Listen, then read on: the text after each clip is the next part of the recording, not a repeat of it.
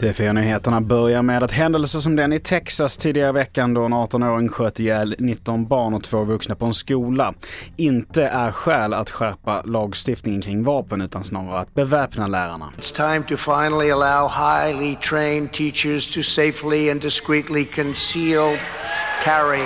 Let them concealed carry. Och det här sa alltså USAs före detta president Donald Trump på vapenlobbyns årliga mässa i Houston.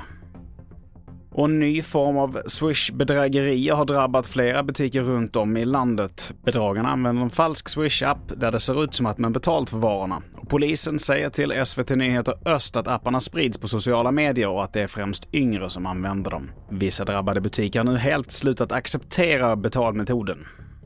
Och till sist, synskadade ska kunna rösta i valen utan att deras valhemligheter röjs. Idag så krävs det att någon hjälper dem med nedsatt syn att stoppa ner valsedeln i kuvertet och lägga det i valurnan.